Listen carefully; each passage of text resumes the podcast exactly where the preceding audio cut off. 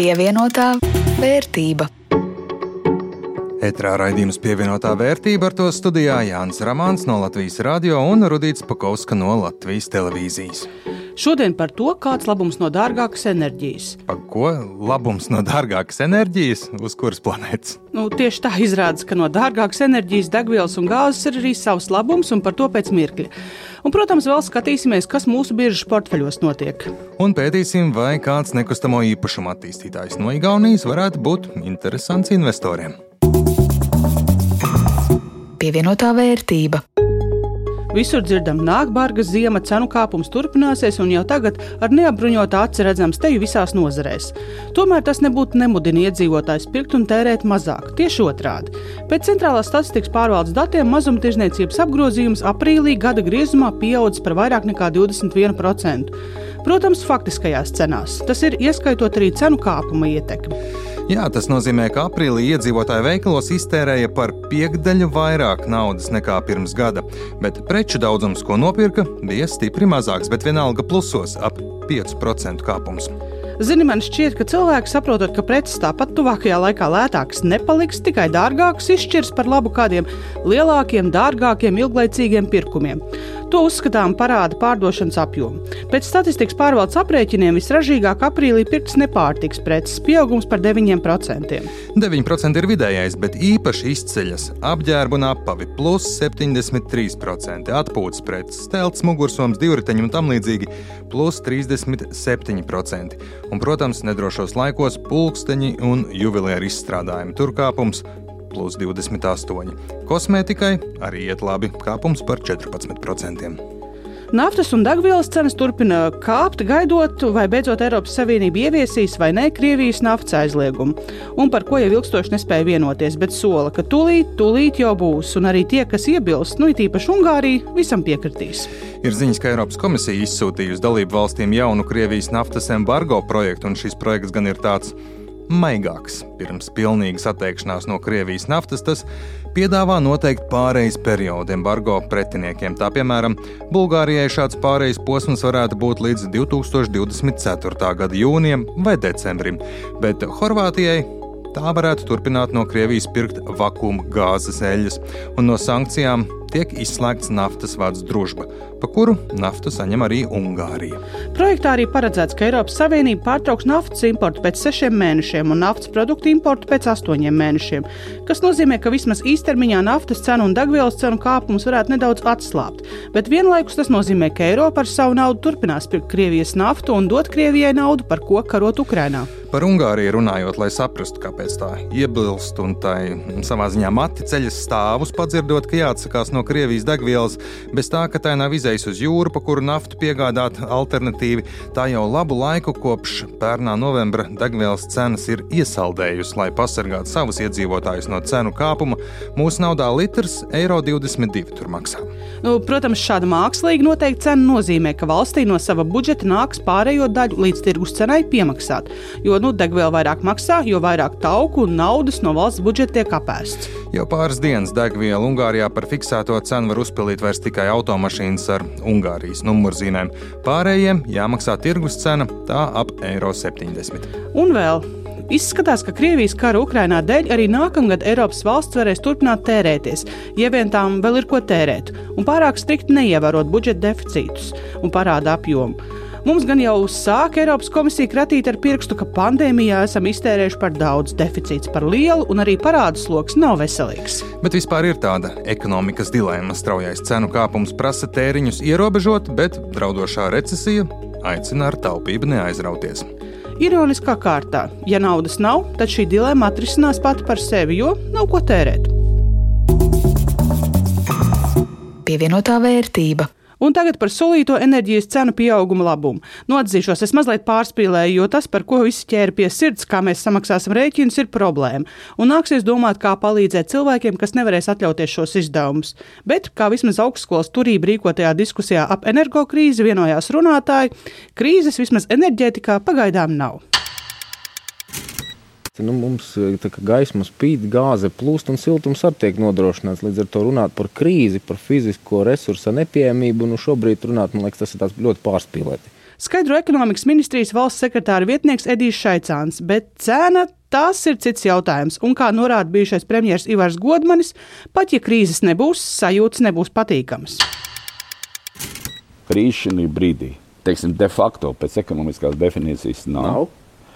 Bet tas, ka mums varētu sagaidīt tomēr problemātisks pieaugums, es pat teiktu, stipri vien uz zemāko pusi, kas ir saistīts ar dzīves dārdzību, kas ir lielākoties importēta dēļ enerģētikas un tā tālāk tas varētu radīt sajūtu, tomēr, ka tik spoži mums neies. Un, nu, tādās nopietnās gaidās ir jābūt un stipri jāgatavojas. Pārāk zemes cenas arī rada sliktas sekas, un to redzējām iepriekšējos gados. Skaidro Gunārs Valdmans, Latvijas elektroenerģētiķu un energobūvnieku asociācijas izpildirektors.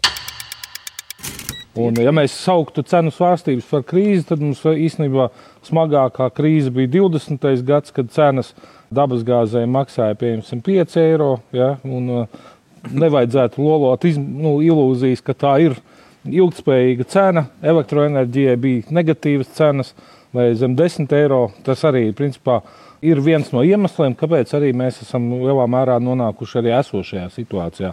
Proti, tajos iepriekšējā desmitgadē, krītoties eh, cenām elektroenerģijas vairumtirgu, daudzi ražotāji pieņēma lēmumu pārstāt savu saimniecisko darbību arī Lietuvā Zviedrijā ja, e, stacijas ir tikušas slēgtas. Un tagad cenu kāpums elektrības ražošanu padarīs par interesantāku biznesu.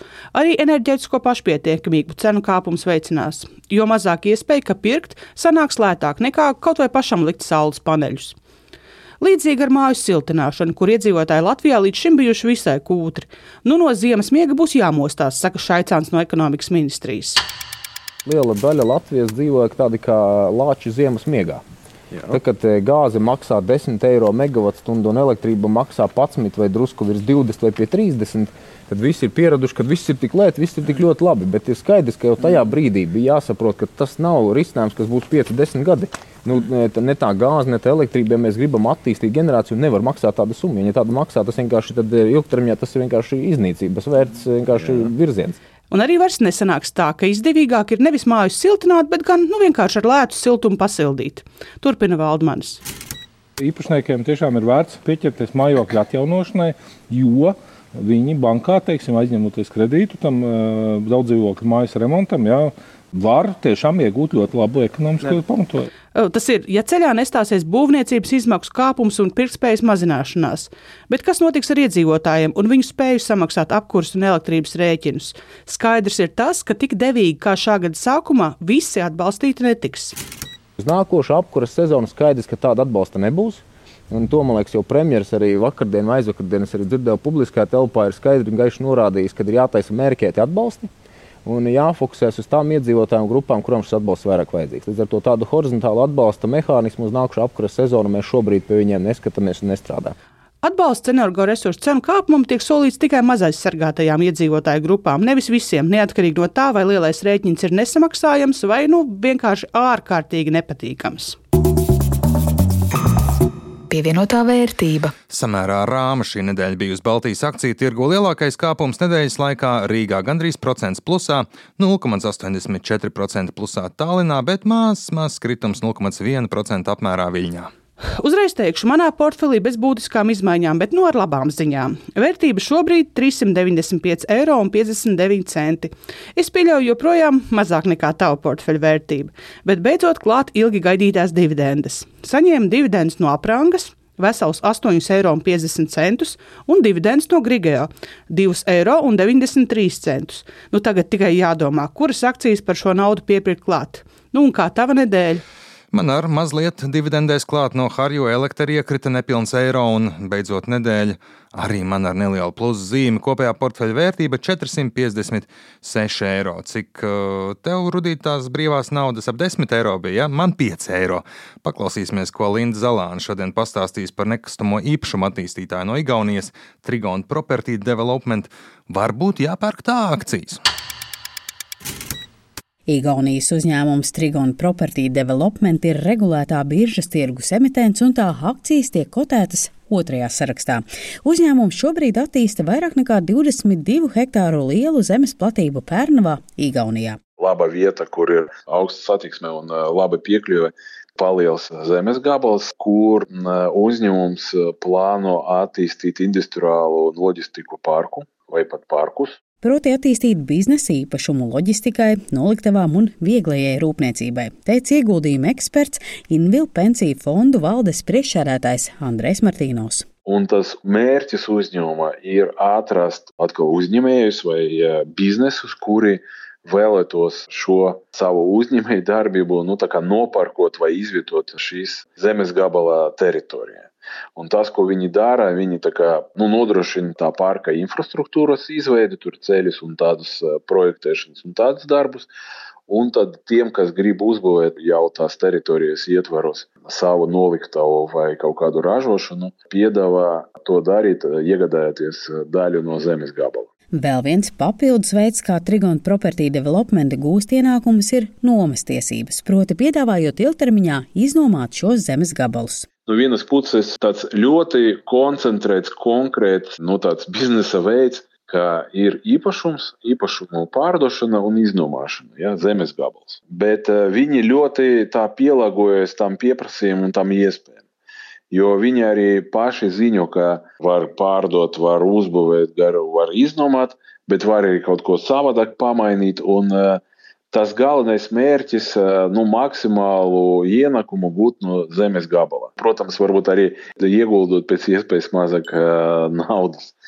Jā, tur jau, protams, kaut kas jau notiek. Tas nav tukšs zemes gabals, bet viņš ir paliels un tāpēc arī tur tā attīstība notiek vairākos posmos. Bet kā Trigona Property Development veicas biržā? Uzņēmumam e, ir tāda jau arī izveidojusies e, dividendžu vēsture, jo viņi ne reinvestē tos līdzekļus, bet viņi to, ko viņi iegūst no tā zemes gabala, viņi arī izmaksā dividendes. Uzņēmuma profils ļoti atkarīgs no nekustamā īpašuma tirgus e, tendencēm un pie tām ļoti koncentrēti no Pērnavas pilsētas un pie pilsētas biznesa attīstību un tieši uz, kas ir vērsts uz tādu loģistiku. Ja?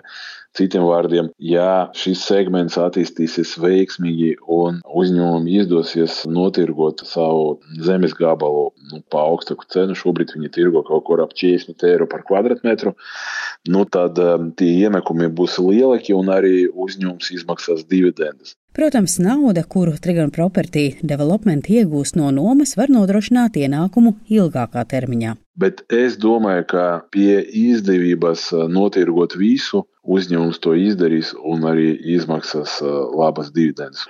Nu, tas uh, apgrozījums nav pārāk liels, un arī akciju skaits nav pārāk liels. Ļoti aktīvas tirdzniecības, nu, diemžēl, nenotiek. Un arī šeit es teiktu, ka nu, var kaut kādu daļu ieguldīt, nu, ja tiešām ir sajūta, ka loģistika Baltijas reģionā, cevišķi Igaunijā, attīstīsies, kad nekustama īpašuma cenas kāps.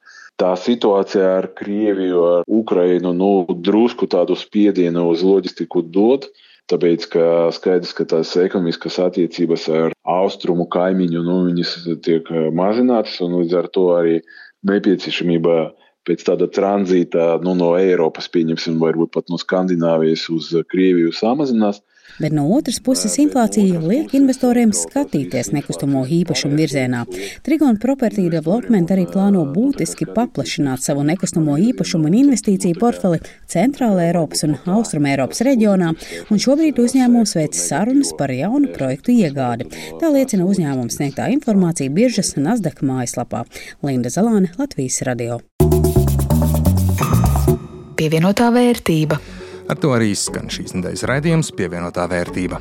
To veidoja Rudīts Pakausks no Latvijas televīzijas un Jānis Ramāns no Latvijas radio. Par skaņu rūpējās Kaspars Groskops. Tiekamies pēc nedēļas, un gan šo, gan citus raidījumus varat atrast arī Latvijas radio mājaslapā, raidierakstos un, protams, arī Latvijas radio mobilajā lietotnē.